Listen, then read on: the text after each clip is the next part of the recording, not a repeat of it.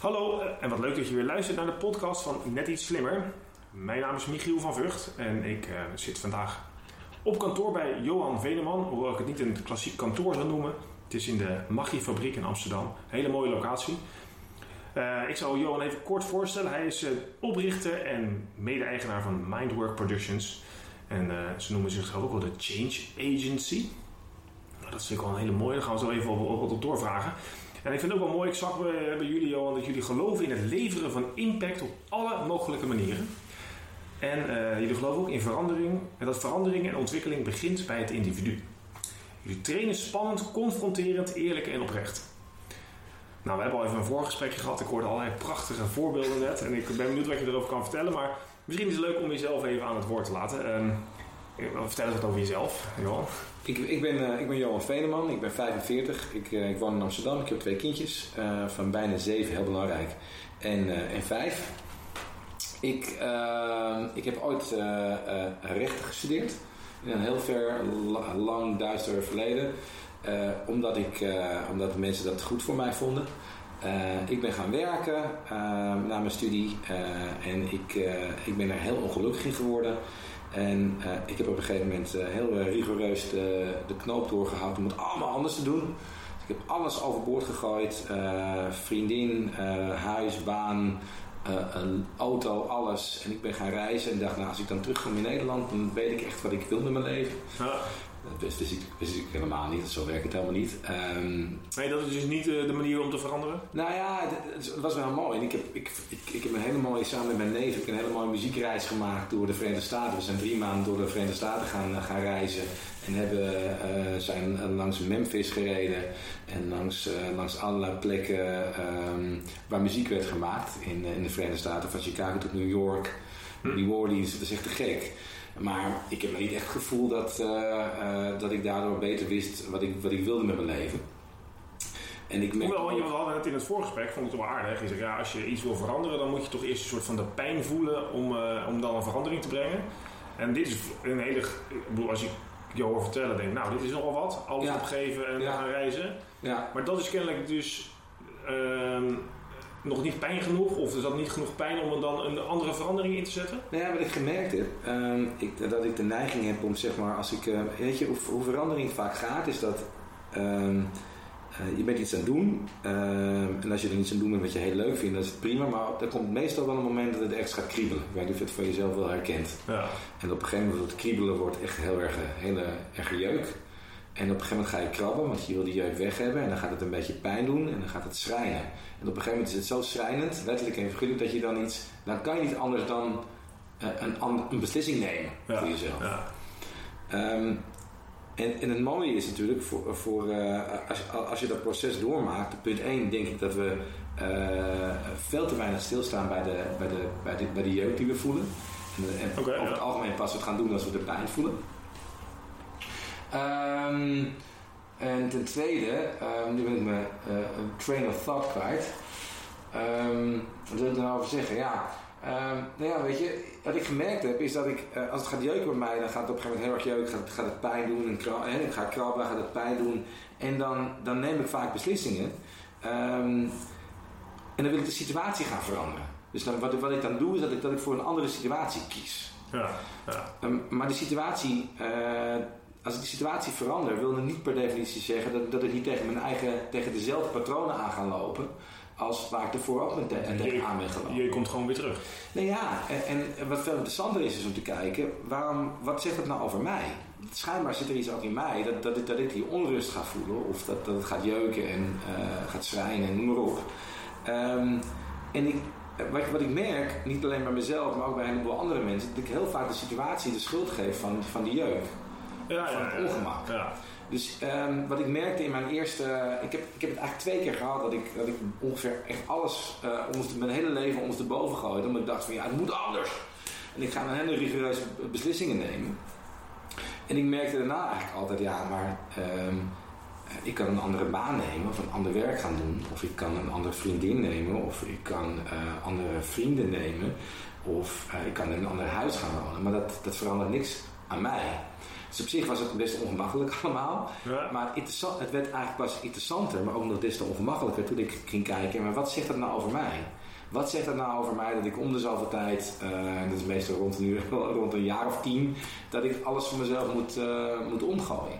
Dat heb ik nu al twee keer gehad in mijn leven. Maar wanneer eh, is de volgende tienjaarsperiode? Nee, ja, die is, die is ongeveer nu. Dus dat is wel interessant. Het is ook een periode dat mijn bedrijf tien jaar bestaat. Ehm, ehm, dat ik eh, ongeveer tien jaar met mijn, eh, met mijn vrouw samen ben.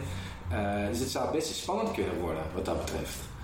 Ehm, Ja, denk je dat? Of weet je inmiddels, ken je jezelf Nou, zo goed genoeg dat je nee. weet waar de... Nou, ik, ik heb bijvoorbeeld geleerd, eh, als, het, als het gaat over een relatie, dat is het, als, als ik iets niet leuk vind, dat ik dat moet zeggen. En dat er iets aan moet gaan veranderen. En dat het ook gaat over, en dat mijn vrouw ook eh, mij heel leuk vindt, volgens mij, maar mij ook heel ongemakkelijk en ingewikkeld af en toe. Eh, en als je dat van elkaar weet, en als je dus meer bewust bent van je eigen patronen, ehm, dan kan je daar, beter, dan kan je daar beter, beter mee omgaan. Maar bijvoorbeeld een van mijn patronen is, ik vind eigenlijk dat een heleboel dingen gewoon gemakkelijk moeten gaan in het leven. Dat is een van mijn overtuigingen. Nou, dat is best een ingewikkelde overtuiging, want af en toe is het leven gewoon ingewikkeld. Ja, ja. Dus ik, ik, ik kan niet anders dan, daar iets mee doen. Want als ik elke keer ingewikkelde besluiten of ingewikkelde, ingewikkelde dingen uit de weg ga, dan wordt het, wordt het leven ook wel uh, Ja, ja. vlaggig en. En, en, eh, en ja. En, en blijft het allemaal een beetje op een zesje houden, niet op een acht, op een negen. Nee, precies. Ja, dat snap ik wel. En heeft dat uiteindelijk geleid toen jij ehm, die reis ging maken, een muziekreis, en misschien heel geïnspireerd terugkwam voor muziek, of eh, in ieder geval een hele mooie ervaring, rijker kan ik me voorstellen. Eh, was dat het moment dat je dacht, ik ga hier ook vanuit mijn eh, achtergrond als jurist of rechter gestudeerd dan ehm, iets doen in de, in de change of in de verandering en dan een heel nieuw bedrijf starten? Nou, toen niet. Ehm, bij die eerste ronde, zeg maar, mijn eerste grote veranderronde, toen niet. Ehm, en dat, dat was eigenlijk ook veel meer eh, dat ik op mijn feestje stond en met een vader van een vriendin van mij zat te praten met een biertje in mijn hand tegen de muur leunen. En dat hij tegen mij zei, je zou echt een hele goede trainer worden. En ik dacht, ja dat, ja, dat lijkt me ook, maar ik heb ook met name gewoon geld nodig. Dus prima. Dus de, de, de, de zaterdag stond op het feestje en maandag had ik, was ik aangenomen. Oh, ja, ja. En toen ben ik eigenlijk weer heel onbewust zo die trainingsbureaus ingerold. En via een klein trainingsbureau bij Schouten en Ellis uitgekomen, een grote trainingsclub. Daar heb ik ook weer 6,5 jaar eh, gezeten, zo ongeveer. En toen dacht ik weer, toen, toen, toen kwam die volgende stap. Ja, Die volgende 10 jaar, van die dacht, "Ah, het moet allemaal heel anders en zo. En toen, maar toen heb ik wel echt bewust voor het eerst een keuze gemaakt van... hé, hey, ik zou het heel fijn vinden eh, om voor mezelf te, te gaan beginnen. Heb ik ook wel bewust een keuze gemaakt om na te gaan denken over... oké, eh, een heleboel mensen vonden het spannend. Je gaat voor jezelf beginnen. Het was, eh, het was 2007. Hm, net voor de grote crisis, zeg maar. ja. het allemaal een beetje te rommelen. Ehm, en toen dacht ik eigenlijk ook, ja, wat heb ik te verliezen? Ik had toen nog geen kinderen, ik had geen hypotheek, ik had geen, eh, ik had geen vrouw eh, die van mij afhankelijk was. Eh, dus ik kon allemaal keuzes maken. ja. En ik dacht ook, ja, als het ergste wat er kan gaat gebeuren, dat, ja, dat, ja, dat ik weer voor een baas moet gaan werken. En dat deed ik toen ook al. Ja, ja. Dus dacht ik, ik heb eigenlijk niet zoveel te verliezen. Maar je merkt toch wel dat een heleboel mensen dat risicovol en ingewikkeld vonden. Toen ben ik begonnen. En wat ook scheelde, dat ik toen begonnen ben met mijn zakenpartner. Cas Stuyff. Ik ken ik al mijn hele leven. Eh, onze moeders zaten samen op uh, zwangerschapsgymnastiek in Ja, oké. 1971. Ja, ja. Dus wij kennen elkaar ons hele leven. En ehm, ja, dat voelde ook wel heel veilig en dan goed. Eh, en wij hadden zelf ook wel sa- samen een idee van ja, dat, dat, we hebben een idee, we zijn eigenwijs. En alle ideeën die we hadden toen we nog bij een werkgever zaten, ja, die, die konden we volgens mij volgens ons veel beter uitwerken eh, voor onszelf. Nou, dus zijn we met z'n tweeën begonnen aan de keukentafel. En nu zijn we ongeveer met z'n veertig. Dus het is lekker aan het... Ja, een goede tien jaar later zijn we met z'n veertig. Ja, Dus ik moet wel zeggen dat ook de, de onrust die ik eh, tien jaar geleden voelde, eh voel ik nu veel minder.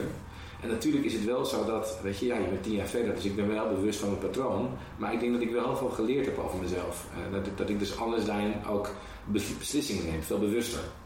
Ja, en is dat wat jullie ook met, eh, met Mindwork Productions proberen om aan jullie klanten mee te geven? Om veel meer bewust keuzes te maken en eh, te zorgen dat je misschien het betere pad kiest? Ja, het lastige is natuurlijk, het betere pad is wel een lastig, eh, lastig iets om te, wat te omschrijven. Want wat is nou beter? Dat weet ik ook niet. Ehm, maar wel in ieder geval proberen dat, dat op een authentieke en op een echte, een, en op name op een eigen manier te doen. Hm. Dus wat ik natuurlijk heel veel zie, we werken heel veel voor grote, grote organisaties. En, en wat je dan ook ziet is dat mensen ook heel vaak het pad lopen eh, wat andere mensen voor hen eh, bedacht hebben. Ja, ja, ja. Eh, en wat, wat ik denk waar wij voor staan is het feit dat nou ja, als je dat pad loopt, je bent er heel erg gelukkig mee, je voelt die, dat kriebelen ehm, en je voelt dat, ehm, dat, je, dat ontzettende jeuken en ook die pijn niet, dan, dan is het hoe dan ook wel interessant om één keer per jaar een soort APK op je loopbaan te hebben en te kijken of je nog met de goede dingen bezig, bezig bent. Maar een heleboel mensen hebben dat wel en dat is het wel interessant om dat te onderzoeken. En het stomme is natuurlijk, een heleboel mensen, als, je, als, je, als je kijkt naar grote veranderingen bij mensen, um, dan is het vaak zo dat. Um, ik heb bijvoorbeeld een meneer die, um, die is heel lang uh, directeur geweest bij een grote financiële instelling. Is op een gegeven moment ontslagen vanwege een grote reorganisatieronde en zo. Um, en is toen uh, bij een, uh, een non-profit organisatie terechtgekomen waar hij nu financieel directeur is. En hij is volgens mij nu veel gelukkiger. Ja. En het interessante is, hij was natuurlijk dan no hij, zou dat nooit gaan doen hij had nooit het geluk gevonden als hij niet ontslagen was eh, geworden. Want vaak zitten we toch vast aan, aan dat soort dingen. En dat is eigenlijk wel interessant hoe dat werkt. Ik weet niet hoe, het bij jou, hoe dat bij jou werkt. Maar bij mij werkt het wel zo dat ik, ik weet een heleboel dingen wel. Maar het verschil tussen weten en ook doen is toch wel heel erg groot vaak. Ja, dat is vaak heel erg groot, ja. ja. Nou, is dat iets waar jullie dan... Um, want jullie hebben, ik zag hier een heel mooi bord hangen beneden op kantoor met alle, met alle uh, klanten waar jullie voor mogen werken. Ja. Uh, een aantal hele grote bedrijven, bekende bedrijven ook. Um, maar je traint toch vanuit de opdracht van het bedrijf. Ja. Maar wel gericht op de individu. Ja, wat we ook geloven, kijk, um, de, de wereld is vol in verandering. En dat vraagt ook van organisaties verandering. En um, wij worden steeds vaker gevraagd in plaats van, uh, van allerlei grote consultancybedrijven. Um, uh, om vanuit onze werkwijze te werken. Dat is wel leuk, want wij zijn geen geen grote eh, McKinsey of uh, consultancy group of iets dergelijks. Um, en wij denken juist inderdaad dat verandering niet iets, eh, niet iets kan zijn wat je oplegt, maar met name ook iets wat intrinsiek gemotiveerd moet zijn. Uh, en kan je dat dan, lukt het, is het überhaupt mogelijk om mensen, uh, want we doen heel erg veel denk ik in onze maatschappij vanuit extrinsieke motivatie, ja. met beloningen of straffen. Exact, en, ja. nou ja, we hadden het vanmorgen of net even over onze kinderen, nou, daar herken je natuurlijk ook bij. Uh, en dat je eigenlijk intrinsieke motivatie brengt je veel verder. Dat weet, weet eigenlijk iedereen ook wel. Maar hoe wakker je intrinsieke motivatie aan als mensen dat nog niet, misschien niet eens weten? Ja. Hebben je daar manieren voor? Of, uh... Ja, zeker. Ja, wij geloven heel erg sterk dat als je kijkt naar uh, hoe mensen veranderen, dat mensen pas gaan veranderen op het moment dat ze echt iets voelen. We kennen allemaal wel de verhalen van mensen die uh, een ongeluk overleven of een uh, near-death experience hebben. Ja. Uh, of ehm, genezen van een, van een wat iedereen denkt ongeneeslijke ziekte, en die dan vervolgens het roer omgooien. Um, en die, dan voel je dus ook echt dat je denkt van ja, het leven is eindig, ik moet echt dingen gaan doen die voor mij van belang zijn. Um, en waar wij in geloven is dat wij niet iedereen tot een near-death experience moeten brengen, um, maar uh, dat we wel mensen moeten laten voelen. Uh, en dat, dat we in ons hoofd een heleboel dingen weten, maar dat we uiteindelijk toch ook uh, beslissingen nemen met ons oudste brein. Ja, het, brein, brein werkt op basis van gevoel. Dat werkt niet op basis van, uh, van allerlei rationele overwegingen en dergelijke. Maar eh, kan je een voorbeeld geven hoe je dan uh, mensen zo in, dat, in die staat krijgt dat ze zo gaan voelen? Ja, ja zeker. We hebben allemaal, uh, betekent dus ook dat je, dat je trainingen op een andere manier moet insteken. Dus dat het niet meer gaat over rollenspellen of vaardigheden, maar veel meer op overtuigingsniveau.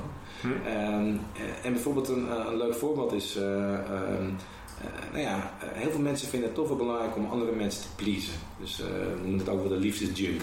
Om, om ervoor te zorgen dat dingen in harmonie gebeuren en dat, um, dat mensen je aardig vinden. Ja. maar het stomme is bijvoorbeeld, wij, we nemen bijvoorbeeld mensen regelmatig mee naar, naar, de, naar de manege.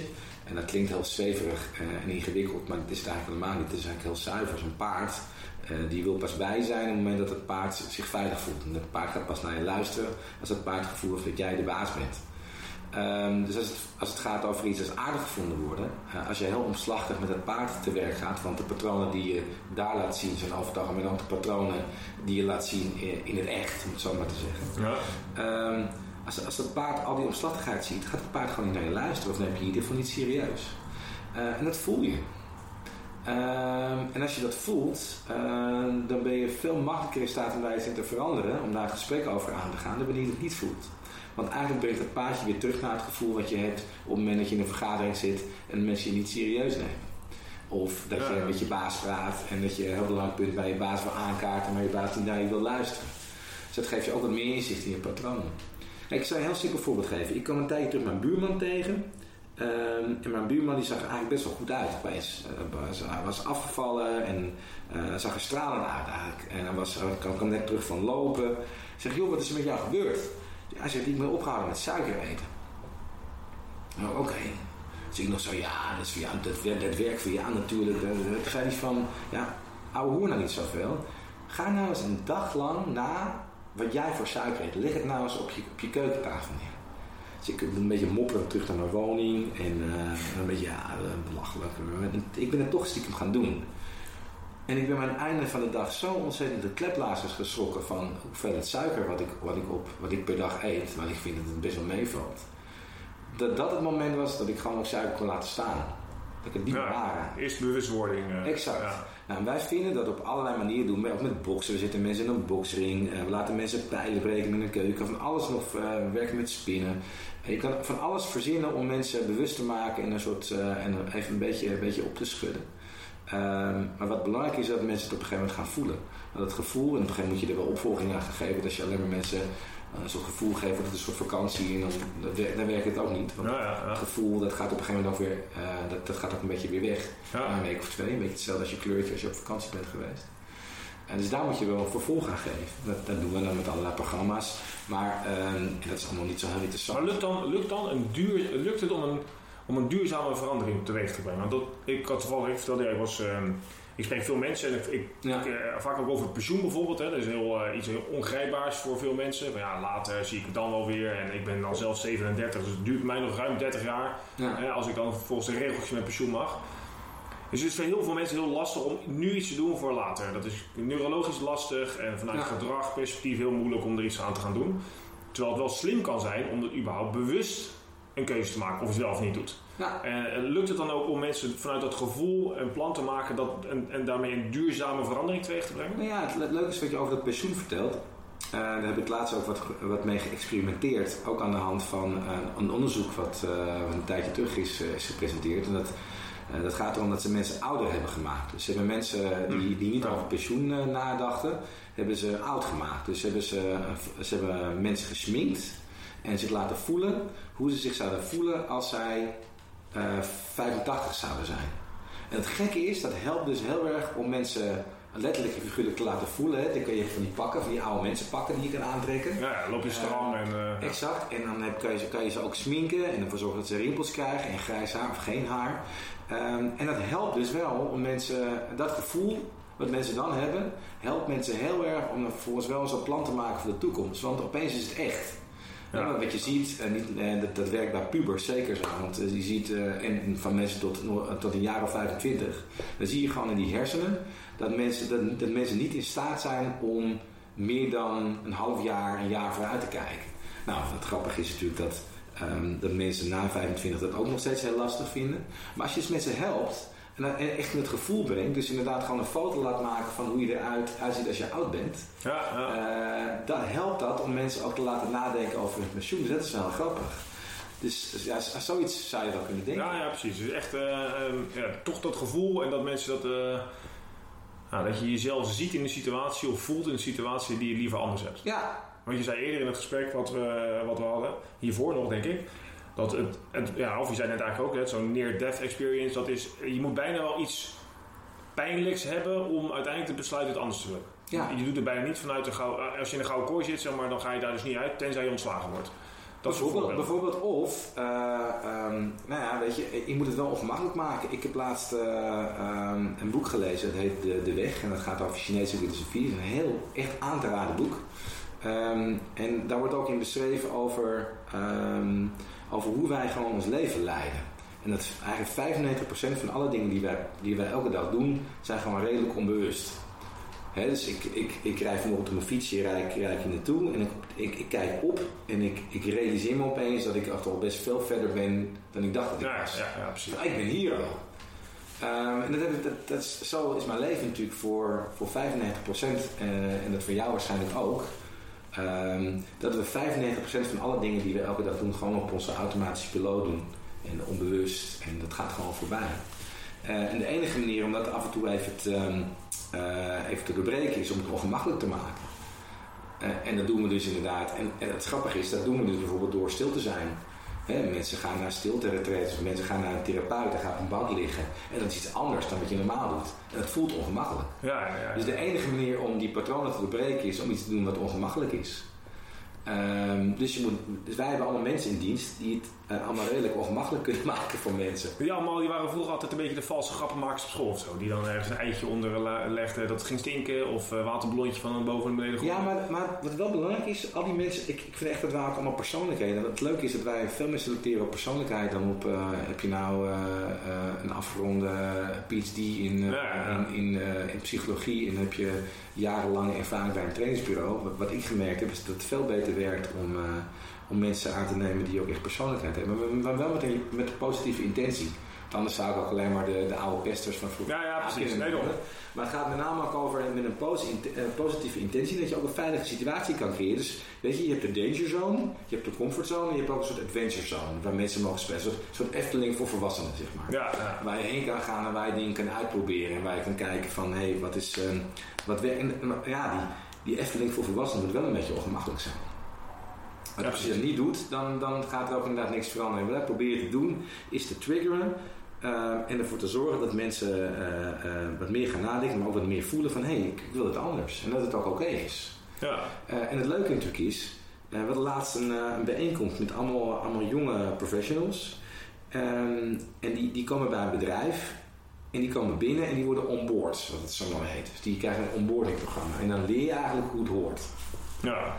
Um, en als je jong bent en als je voor het eerst een baan hebt, dan krijg je zo'n programma en dan leer je hoe het hoort. En dan ben je heel erg bezig, ben ik er wel, hoor ik er wel bij. En voordat je het weet loop je verder en dan zit je erbij. En dat geeft ook een goed gevoel, mensen willen er ook wel graag bij horen. Mm, ja. um, maar, en vervolgens is de vraag dan ook, ja, is, het, is dit wel voor mij? Um, en dat is natuurlijk wel grappig. Uh, en het enige manier om daarachter te komen is mensen af en toe een beetje op te schudden. Bijvoorbeeld uh, Joost werkt heel veel voor ons, Joost Richter. Joost Richter is een jaar of acht geleden komen aanwandelen en Joost is bijna blind. Ziet nog 0,8% en kon vroeger gewoon zien. Dus wat bij hem gebeurt is dat langzamerhand het licht uitgaat. Ja. Um, en hij vertelt in het donker uh, aan mensen zijn levensverhaal met een aantal lessen erbij. Um, en je merkt ook dat dat in het donker zitten en je beseffen dat holy shit, hé, dat is echt, um, uh, ik voel mijn eigen belemmering.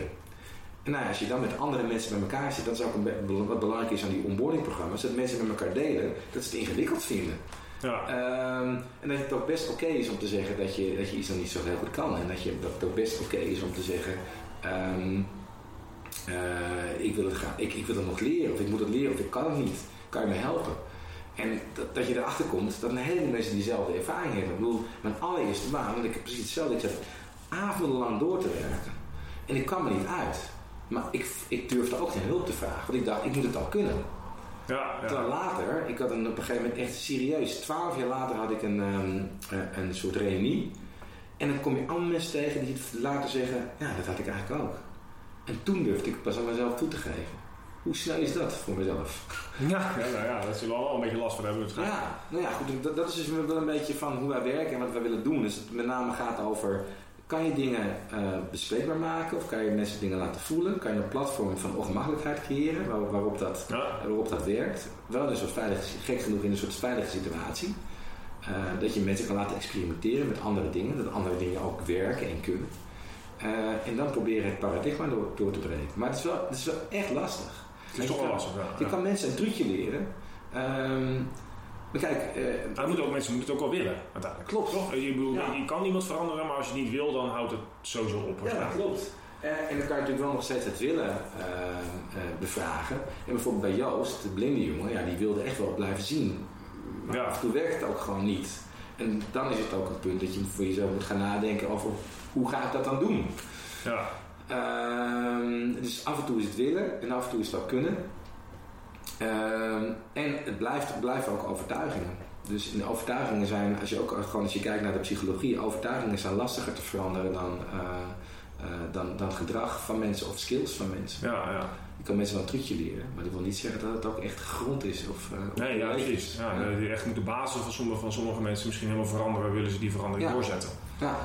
Maar als je nou kijkt naar jouw partij, wat voor lastige beslissingen zie je mensen dan maken of juist niet maken? Nou ja, kijk, vanuit het, uh, de, de beleggingswereld waar ik met name mee te maken heb, zie je dat. Um, uh, ik denk dat financiële onzekerheid voor heel veel mensen heel vervelend is. Dus als je ongezond bent, logisch is het vervelend. Maar financieel ongezond zorgt ook voor heel veel onrust bij de meeste mensen. Ja. En uh, het gevoel dat je morgen misschien minder kunt dan vandaag is heel vervelend. Um, dus mensen moeten eigenlijk beslissingen nemen om dat te voorkomen. Dus, nou, dus mijn idee is altijd om mensen te helpen naar een wat gezondere financiële huishouding met een, ook een goed gevoel erbij. Maar daar moet je wel wat voor doen. En dan zie je dus dat een, eh, het, jij had het over ons uh, oude brein, het feit dat wij in een kudde willen leven, zorgt ervoor dat wij meebewegen met een kudde.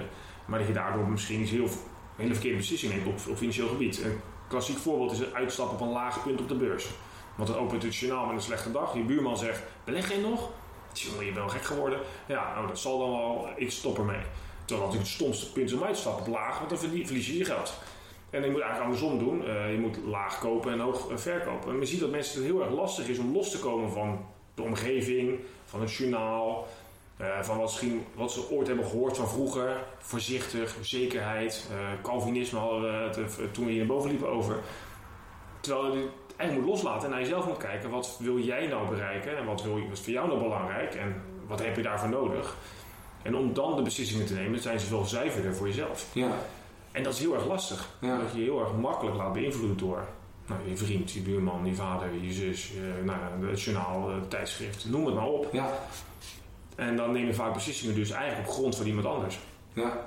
En, dus ik denk dat het eigenlijk overal geldt. En financieel uh, heeft dat impact, omdat je daarmee misschien minder geld hebt, of meer, meer geld of meer onzekerheid ja.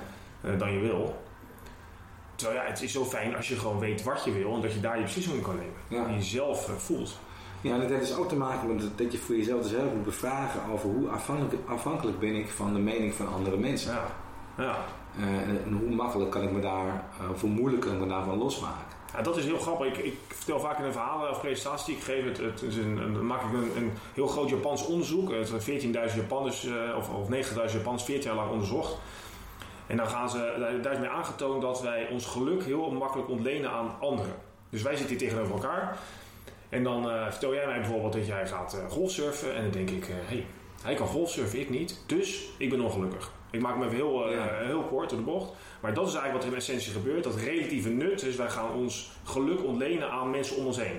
Hij heeft dezelfde opleiding gedaan, maar hij verdient meer. Ongelukkig. Of andersom, ik heb dezelfde opleiding gedaan, ik verdien meer, ik ben gelukkig. Maar niet vanuit jezelf, wat jezelf nou blij maakt, maar omdat je je vergelijkt met iemand anders. Ja. Nou, en dat is wel evolutionair allemaal te verklaren. Alleen nu hoeft dat niet meer. Nu moet je eens nadenken, wat is voor jou nou belangrijk? Hmm. En laat, en ik, jammer dat jij het beter of slechter hebt dan ik. Allemaal goed of slecht voor je. Mm. Maar daar kan ik niks mee eigenlijk. Ja. En, nou ja, en volgens mij doen we dat veel te veel. Dat we kijken naar anderen. En dat je daarmee dus dingen doet die je... hè, Je gaat geen studie volgen die je misschien wil. Want je ouders zeiden, daar verdien je nooit geld in. Ja. Nou, noem maar op. Er zijn legio voorbeelden.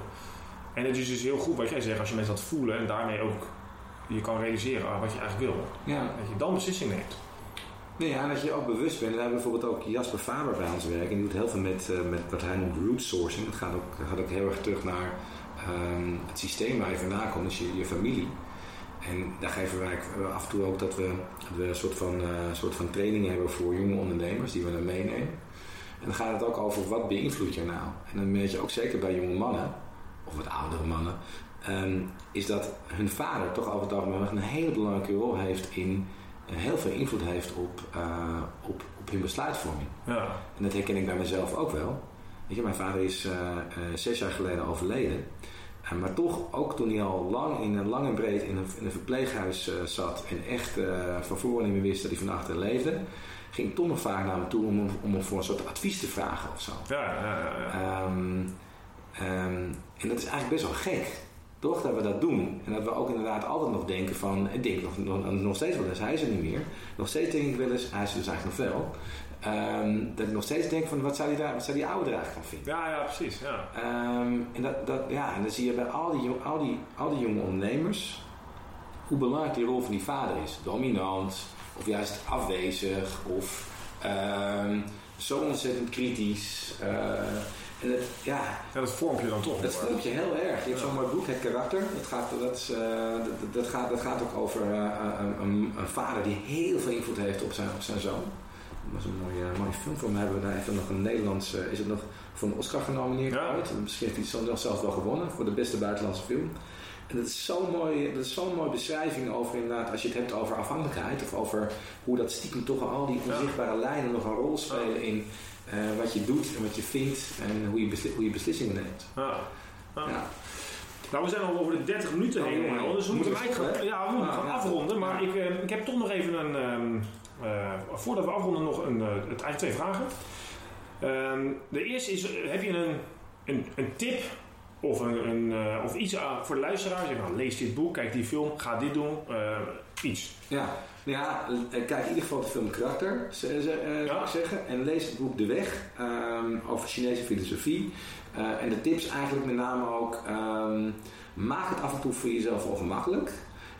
En, en besef je ook van ehm, wie allemaal invloed hebben op jouw beslissingen. Dus ik denk dat dat heel belangrijk is. En, da en daag jezelf ook uit om, om ga, ga eens een we hadden het net over courageous eh, ex- eh, ehm, conversations. Met andere woorden, hè, eh, gesprekken met lef. Ja? En volgens mij begint het ook met een gesprek met jezelf te hebben met lef over, over echt te kijken, doe, doe je nou echt de dingen die je wil doen? Ehm, en door wie word je daarin beïnvloed? Nou, dat is denk ik een hele, hele goede. Ik denk dat het voor iedereen dat heel waardevol is. Nou, de laatste misschien is dan welke. Wat, heb- wat is de, ehm, de belangrijkste les waar jij zelf nu nog het meest aan, aan hebt? God, dat heb ik heel, heel nuttig geweest. Ja, Een quote zijn of een verhaal. Of, Ja, nou ja, ik, ehm, wat ik heel erg. eh, ik had het net, nou, nog gisteren met mijn collega Jan over. We zagen een lifter staan. ehm, en de lift had een bordje met, eh, met Düsseldorf erop staan. En daar hadden ze een beetje ah jeetje, en denk je nou echt dat je dan mee wordt genomen naar Düsseldorf? Toen had ik het eigenlijk over van, ik heb van mijn vader geleerd. En die zei altijd, eh, een nee heb je, ja kan je krijgen. En dat het ook heel goed is om, de, om je, je droom ook gewoon eh, uit te spreken. ja, Dus ook gewoon te zeggen, ik wil naar Düsseldorf. Eh, in plaats van dat je zegt, nou weet je, ik zet wel Utrecht op het bordje. Dan kom ik vast een stuk, stuk verder. Dus, eh, Ja, precies. Dus het is ook goed om gewoon je dromen uit te spreken. Ook te vragen wat je wil. En dan zal je altijd zien dat er iemand is die je verder kan helpen. Dus mijn collega Jan vertelde ook, die wilde eigenlijk naar, naar Appelsap. Een festival. ja. En eh, hij had geen kaartje. En dus zei die vriend van de maandag, we gaan er gewoon heen. En dan op hetzelfde moment, eh, of daarna had hij een gesprek met een, eh, eh, met, een, met, met een klant. En die zei, oh joh, maar ik kan je waarschijnlijk wel een kaartje bezorgen. Toen hij ook zei van, ik zou naar Appelsap willen. Dus het uitspreken ook van wat je wil. Ehm, eh, eh, ja, dat is, dat is de belangrijkste tip die ik zou geven. Nee heb je, ja kun je krijgen. En spreek daarom uit wat je wil, want dan Ja. krijg je misschien makkelijker. Ga naar Düsseldorf. Ja. Ga gewoon lekker naar Düsseldorf. nou, hartstikke goed. Johan, dankjewel. Ik vond het een enorme... Het ging super snel. Ja. Maar hartstikke leuk gesprek. Dankjewel voor je inzichten. Eh, aan de luisteraars bedankt voor het luisteren. Eh, ik zou zeggen, kijk vooral eens op de eh, website van Johan Veneman, de Mindwork Productions. Er staan leuke verhalen, een aantal interessante filmpjes over feedback en andere manieren waar je zeker wat van, van kunt leren. Johan, nogmaals hartelijk dank. En ik zou zeggen tot de volgende podcast. Kijk vooral op mijn website michielvanvugt.com voor meer informatie over financieel gedrag en toegepaste psychologie erin. Bedankt voor het luisteren en een hele fijne dag.